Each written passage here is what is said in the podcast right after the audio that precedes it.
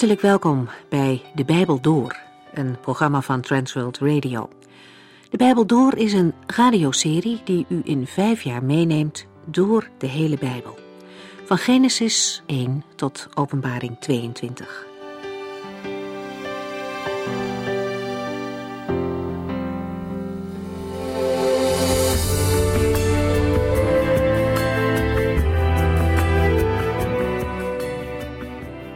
Vandaag lezen we verder uit 2 Korintiërs hoofdstuk 8. Een nieuw onderwerp. Het inzamelen van geld voor de arme gelovigen in Jeruzalem. In hoofdstuk 8 en 9 kunt u de meest uitgebreide uitleg in het Nieuwe Testament lezen over het christelijke geven. Het is geen wet of verplichting, maar een vrijwillig gebeuren. De minimumeis die God in de wet aan Israël had gesteld om 10% te geven, die vinden we hier niet terug. Het is niet verkeerd, maar het is simpelweg geen wet voor christenen. Paulus begint dit onderwerp door de christenen van Noord-Griekenland, Macedonië, als voorbeeld te stellen. Deze gemeenten hebben gul gegeven, ondanks hun eigen zorg, moeite en armoede. Dat was voor hen geen verplichting, integendeel. Deze arme mensen vonden het een voorrecht om de christenen in Jeruzalem te helpen. Opvallend is dat de apostel hun vrijgevigheid als genade van God betitelt.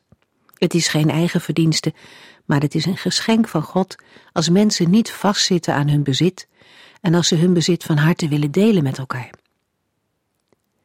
In het begin van Handelingen lezen we daar ook over en zien we dat geven enorm veel blijdschap oplevert, vooral ook bij de gever. De Macedoniërs gaven meer dan ze eigenlijk konden missen, maar ze deden dat omdat ze hun leven en hun bezit aan de Heere God hadden gegeven. Hun toewijding en overgave was allereerst aan de Heere en pas daarna aan mensen. Hun goede werk was niet bedoeld om eer van mensen te krijgen, maar om de Heere God een plezier te doen. Uit de woorden van Paulus blijkt dat deze houding hem nog aangenaam verrast had. Hun liefde voor God ging nog verder dan hij had gedacht. Paulus noemt het voorbeeld van de Macedoniërs in deze brief, omdat hij hoopt dat de Corinthiërs dezelfde motivatie kennen. En dankzij die brief zijn de Macedoniërs in hun toewijding vandaag nog steeds een voorbeeld. We lezen wat Paulus de gemeente in Corinthië verder nog voorhoudt.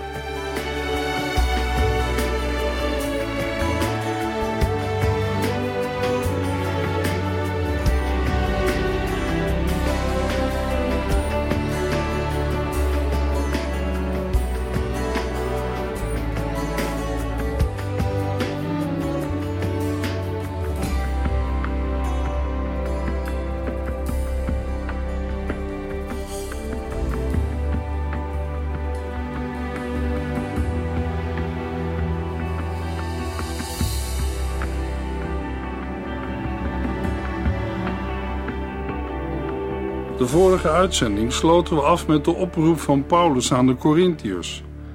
In alle opzichten bent u een voorbeeld. In geloof, in spreken en kennis.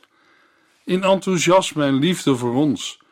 Blink dan ook uit in vrijgevigheid. De apostel prijst de gelovigen van Korinthe. Ze zijn in alle opzichten een voorbeeld voor anderen. Daarom vraagt Paulus hen om naast de dingen waarin zij al een voorbeeld zijn, ook een voorbeeld te zijn in vrijgevigheid. Zet de apostel daarmee de gemeente van Korinthe onder druk. Kunnen ze nu niet anders dan vrijgevig zijn? Nee, want dat blijkt uit het volgende vers. 2 Korintiërs 8, vers 8. Dit is niet bedoeld als een bevel. Ik zeg niet dat u het moet doen, ik vertel u alleen hoe anderen gul hebben bijgedragen. Zo kunt ook u bewijzen dat uw liefde echt is, door het niet bij woorden alleen te laten. Een vrijwillige bijdrage kan niet worden afgedwongen, want dan gaat het vrijwillige karakter verloren. Daarom spreekt de apostel Paulus hier ook niet van een bevel. Toch is de inzamelingsactie voor de Corinthiërs geen vrijblijvende zaak. Paulus schrijft: Zo kunt u bewijzen dat uw liefde echt is. Enthousiasme, toewijding en liefde horen bij elkaar. Het is een algemene waarheid dat liefde blijkt uit toewijding die er het gevolg van is. Dat wat de apostel vertelt over anderen, de toewijding van de Macedoniërs, was dan ook de uitwerking van hun oprechte liefde voor de Heere. Nu toetst Paulus de echtheid van de liefde van de Corinthiërs, door hun toewijding te vergelijken met die van de Macedoniërs. Door het niet bij woorden alleen te laten, kunnen de Corinthiërs laten zien dat hun liefde voor de Heere en Paulus echt is. Ook vandaag is het nog steeds waar dat de portemonnee een test is van de liefde van een mens voor een medemens. Ook voor veel christenen is het een gevoelig onderwerp en thema. Daarom gaat Paulus nog even door met zijn onderwijs over het geven van een gelovige. 2 Korintiërs 8, vers 9. U hebt toch de genade van onze Heer Jezus Christus leren kennen? Hoewel hij rijk was, werd hij arm ter wille van u, opdat hij door arm te zijn u rijk zou maken. Dat Paulus niet ten onrechte deze mate aanlegt om de echtheid van de liefde van de Corinthiërs te meten, laat hij zien aan de hand van het ware voorbeeld van liefde, de Heer Jezus Christus. Christus heeft zichzelf met een volkomen inzet voor zijn gemeente gegeven. Zijn genade hebben de gelovigen in Korinthe leren kennen. De genade van ons Heer Jezus Christus heeft hier als inhoud de toewijding, de zelfovergave en de vrijgevigheid van de heiland. De genade van Christus is een uitdelende genade, de gave van vrijgevigheid. Paulus schildert het heilswerk van Jezus Christus als een afstaan van rijkdom, om de mensen in hun armoede en verlorenheid te hulp te komen en rijk te maken.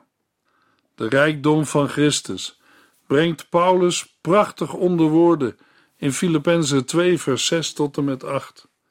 Hij die de gestalte van God had, heeft zich niet vastgeklampt aan zijn goddelijke rechten. Integendeel, hij legde zijn grote macht en heerlijkheid af, nam de gestalte aan van een dienaar en werd een mens. Herkenbaar als mens vernederde hij zich en gehoorzaamde tot het uiterste, zelfs tot in de dood aan het kruis. De goddelijke heerlijkheid die Christus voor zijn komst naar de aarde bezat, legde hij af, voor u, jou en mij. Daarbij vergeleken was zijn komst in een vernederd menselijk lichaam een armoedige verschijning. Maar juist die armoede, met als dieptepunt zijn absolute ontluistering aan het kruis, had als doel ons rijk te maken. De rijkdom die gelovigen door zijn armoede ontvangen, bestaat in vergeving van zonden, verzoening met God, rechtvaardiging, heiliging, genadegave, blijdschap en kostbare beloften. Luisteraar, als u op zoek bent naar een richtlijn voor het geven van een vrijwillige bijdrage, dan is die hier te vinden. De Heer Jezus Christus zelf. Zeker, het geven van de tienden is een goede richtlijn, maar het is een minimum. Jezus Christus was rijk, maar werd arm.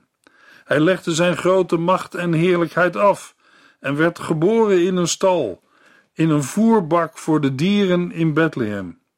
Hij woonde in Nazareth, een onbetekenend dorp. Hij stierf in de kracht van zijn leven aan een kruis buiten de muren van Jeruzalem en werd in een donker graf gelegd. Laten wij het ons proberen voor te stellen. Hij was rijk, maar werd arm voor u, jou en mij. U hebt toch de genade van onze Heer Jezus Christus leren kennen? Laat u behouden uit de slechte invloed van deze wereld, uit dit verkeerde geslacht. 2 Korintiërs 8, vers 10. Ik denk dat het goed voor u is nu te voltooien waarmee u een jaar geleden bent begonnen. Want u bent er niet alleen mee begonnen, maar hebt het ook in daden omgezet. Paulus geeft met betrekking tot de vrijwillige bijdrage van de Corinthiërs geen bevel, maar zijn advies. Ook in 1 Corinthiërs 7 vers 25 vinden we op dezelfde manier beide uitspraken naast elkaar. Geen bevel of voorschrift, maar een mening en advies. Paulus geeft het advies omdat het in het eigen belang van de Corinthiërs is dat ze een eenmaal begonnen onderneming ook afmaken. Anders zouden zij hun goede naam schaden en zeker ook een slecht figuur slaan tegenover de Macedoniërs, die al lang weten dat er in Korinthe een inzameling is gestart.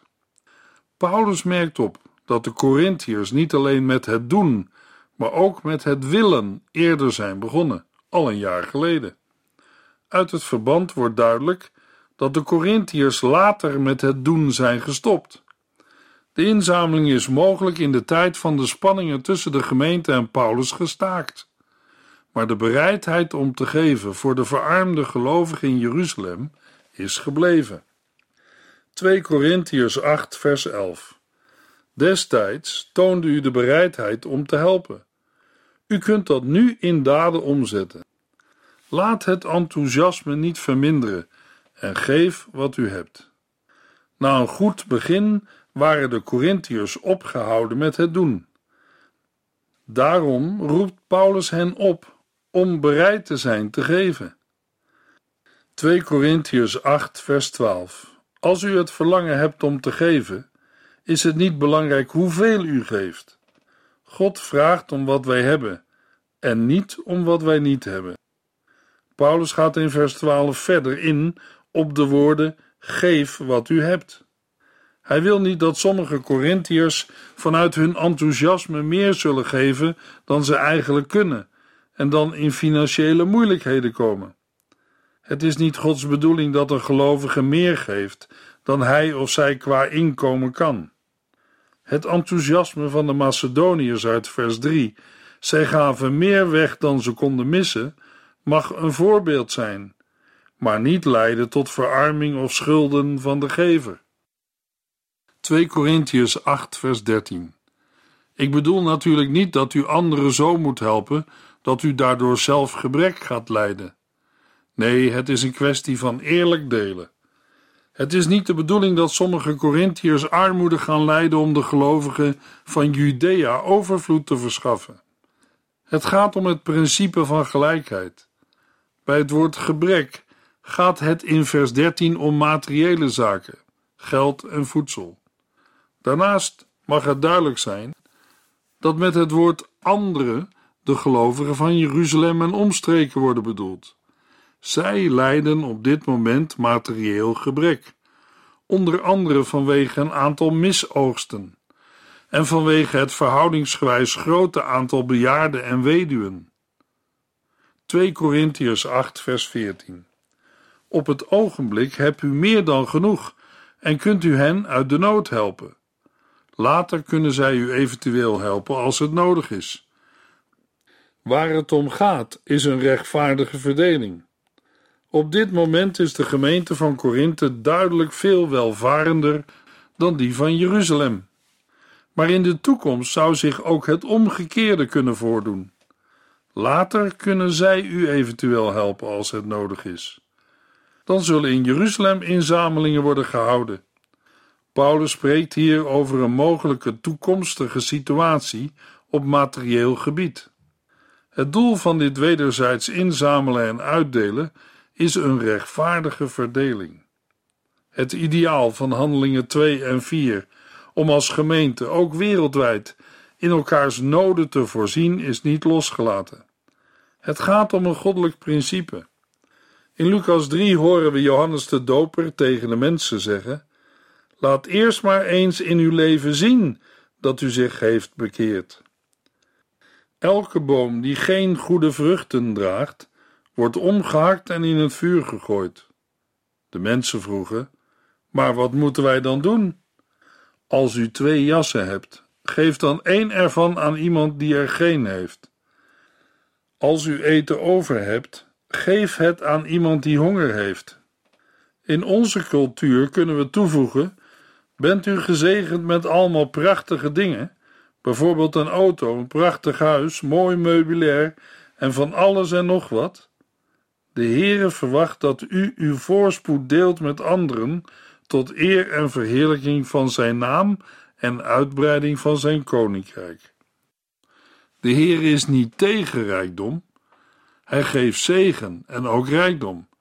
Maar als wij die ontvangen rijkdom alleen voor onszelf gebruiken, laten wij niet door ons leven zien dat wij ons hebben bekeerd. Net als in de dagen van Johannes de Doper kan iemand roepen: Maar wat moeten wij dan doen? Het antwoord is vandaag nog steeds hetzelfde. Als u twee jassen hebt, geef dan één ervan aan iemand die er geen heeft. Als u eten over hebt, geef het aan iemand die honger heeft. In dat licht ontdekt een gelovige dat hij of zij er niet is met het geven van een tiende van zijn of haar inkomsten. Ja, maar zal iemand zeggen: wij betalen ook belasting. Dat hoefden ze in Israël niet. Nou, dat zou ik niet zo hardop zeggen en moet ik tegenspreken. Toen Israël om een koning riep, hebben ze dat ook in hun portemonnee geweten. En iedere keer als zij door een vijandige mogendheid onder de voet werden gelopen, moesten zij jaarlijks een flinke som geld en goederen betalen. Daarnaast bleef de verplichting om voor het huis van de heren en de priesters en levieten de tiende naar het heiligdom te brengen. Daarbij bleef overeind staan dat wie in staat was te geven en te helpen, dat ook behoorde te doen. Dat is vandaag niet anders. Gelukkig zijn er ook prachtige voorbeelden van te geven, hoe christenen zich inzetten voor de medemens, dichtbij en veraf. 2 Korintiërs 8, vers 15. In de boeken staat hierover: wie veel had verzameld, hield niets over, en wie weinig had verzameld, kwam niets tekort. Dat gelijkheid in middelen van bestaan een goddelijk principe is, laat Paulus zien aan de hand van een citaat uit Exodus 16, vers 18 met betrekking tot het manna. Toen de Heer voor de eerste maal het manna aan de Israëlieten gaf, was het de bedoeling dat zij naar het aantal gezinsleden 2,2 liter per persoon zouden verzamelen. Hoewel de een verhoudingsgewijs veel meer verzamelde dan de ander, bleek bij de afweging van het manna dat elk precies genoeg voor zichzelf en voor zijn gezinsleden had. Door Gods leiding bleek er gelijkheid te zijn. Dit moet voor de Corinthiërs een voorbeeld en een aanleiding zijn om nu zelf te streven naar een gelijke verdeling van welvaart. Het was Gods plan dat iedereen precies genoeg zou hebben en niet meer. Maar hoe is het dan mogelijk dat er steeds meer mensen honger lijden? Is dat de schuld van God? Heeft Hij niet genoeg voedsel gegeven voor alle mensen van de wereld? Er is genoeg. Alleen wij mensen zijn blijkbaar niet in staat om het goed te verdelen. Daarbij moeten we de hand in eigen boezem steken en niet met een beschuldigende vinger naar de Here wijzen. 2 Korintiërs 8 vers 16 Ik ben God dankbaar dat Titus zich net zo voor u inspant als ik. Na de nodige aansporingen in de versen 1 tot en met 15 aan het adres van de Corinthiërs volgt de aanbeveling van Titus en de twee andere afgevaardigden van de gemeente. Titus wordt vooral aanbevolen vanwege zijn toewijding voor de Corinthiërs. Deze toewijding is buitengewoon, omdat zij door de Heere wordt gegeven. Titus' toewijding voor de Corinthiërs is dezelfde als die van Paulus. Voor Paulus is dit alles een reden om God te danken. 2 Korintiërs 8 vers 17 tot en met 19. Hij ging graag in op mijn voorstel u nog eens te bezoeken, al zou hij toch wel gekomen zijn, omdat hij erg naar u verlangt. En ik stuur een andere bekende broeder met hem mee, die in alle gemeenten wordt gewaardeerd voor het werk dat hij doet voor het goede nieuws. Hij is de man die door de gemeenten werd aangewezen om samen met mij de opbrengst van de collecten naar Jeruzalem te brengen. Daardoor wordt de Heere geëerd en blijkt dat wij als gelovigen ons best doen om elkaar te helpen. De toewijding van Titus voor de Corinthiërs is oprecht gemeend. Paulus heeft hem nu wel naar Korinthe gezonden, maar hij had ook uit eigen beweging willen gaan. Naast Titus introduceert Paulus ook een andere broeder, die hij met Titus meezendt. Opmerkelijk genoeg wordt hij hier, net als in vers 22, geen naam genoemd. Overigens tasten wij over de identiteit van de broeder niet geheel in het duister. Uit Handelingen 20, vers 4 valt op te maken dat de volgende personen als afgevaardigden van de diverse gemeenten bij de inzamelingsactie betrokken waren: Lucas, Sopater uit Berea, Aristarchus en Secundus uit Thessalonica, Gaius uit Derbe, Timotheus, Tychicus en Trofimus uit Azië. Van deze groep bevonden zich Timotheus, Lucius en Sosipater in Korinthe, toen Paulus van daaruit de brief aan de Romeinen schreef. Bovendien bevindt zich daar nog een zekere Jason, mogelijk uit Thessalonica. Timotheus, die mede-afzender van deze brief is, komt niet in aanmerking, maar wel Lucas, Jason en Sopater. De meegezonden broeder wordt in alle gemeenten geprezen vanwege zijn werk in de verkondiging van het evangelie. Het zenden van een delegatie van twee of drie personen bij belangrijke gebeurtenissen is in de eerste plaats een bijbels principe. 2 Korintiërs 8 vers 20 Door samen te reizen nemen hij en ik elk wantrouwen weg. Want wij willen in geen geval dat iemand iets kan aanmerken op de manier waarop wij deze grote bedragen beheren. Het meesturen van een broeder die niet rechtstreeks door Paulus, maar door de gemeenten is afgevaardigd, garandeert dat het bij de collecte eerlijk zal toegaan en dat de gelden het bestemde doel zullen bereiken. Daarmee onderscheidt Paulus zich duidelijk van allerlei rondreizende filosofen en redenaars, die ongecontroleerd geld voor zogenaamde goede doelen inzamelden, maar ondertussen zichzelf verrijkten. Paulus is zich ervan bewust dat sommige tegenstanders binnen en buiten de gemeente hem anders zouden kunnen belasteren. Paulus verwacht dat de liefdadigheid van de Corinthiërs en van de andere gemeenten een groot bedrag zal opbrengen. Dat de voorzichtigheid van Paulus terecht is, merken we in 2 Corinthiërs 12, waar Paulus zich verdedigt tegen een beschuldiging dat hij op eigen voordeel is uitgeweest. 2 Corinthiërs 8, vers 21. God weet dat wij eerlijk zijn, maar wij vinden dat alle mensen dat ook moeten weten. Daarom hebben wij het een en ander zo geregeld. Hoewel vers 21 niet als een citaat wordt geïntroduceerd, moet het de gelovige bekend in de oren klinken. Het is een aanhaling uit Spreuken 3, vers 3 en 4. Draag Gods geboden als een sieraad en prent ze in je hart en geheugen. Dat levert je genegenheid en instemming van God en de mensen op. De eerlijke bedoelingen van Paulus zijn voor de Here wel openbaar, maar het is ook noodzakelijk dat mensen geen reden tot verdachtmaking kunnen vinden. 2 Korintiërs 8 vers 22 en 23 Ik stuur nog een broeder met Titus mee Iemand van wie wij uit ervaring weten dat hij oprecht en serieus is. Hij wil heel graag mee, omdat ik hem heb verteld hoe gul u bent als er geholpen moet worden. Als iemand onder u vraagt wie Titus eigenlijk is, zeg dan dat hij mijn medewerker is. Hij helpt mij u te dienen. Wat de twee andere broeders betreft, die vertegenwoordigen de gemeenten en wat zij doen is tot eer van Christus. Behalve Titus en de broeder die door de gemeenten is aangewezen, stuurt Paulus nog iemand mee. Het is een broeder die door Paulus zeer wordt gewaardeerd. Opnieuw ontbreekt zijn naam.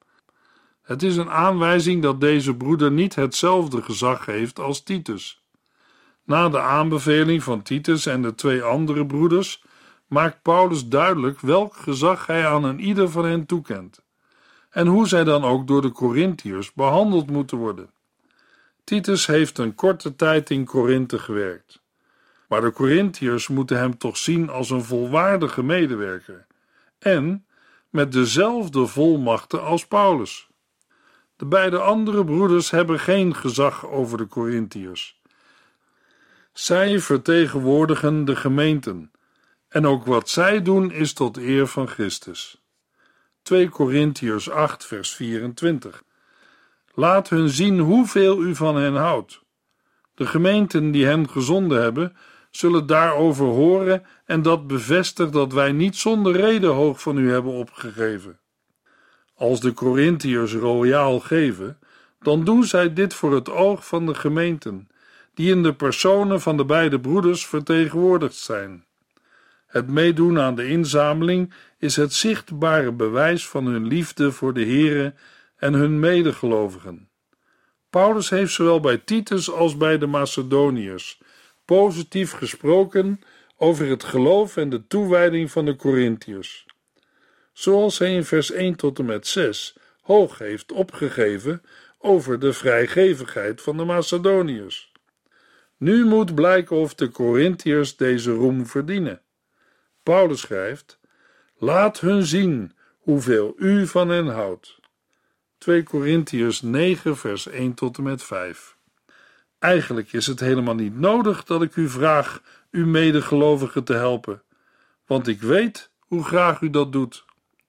Ik heb bij de Macedoniërs vol lof over u gesproken en gezegd dat Korinthe een jaar geleden al begonnen was geld bijeen te brengen.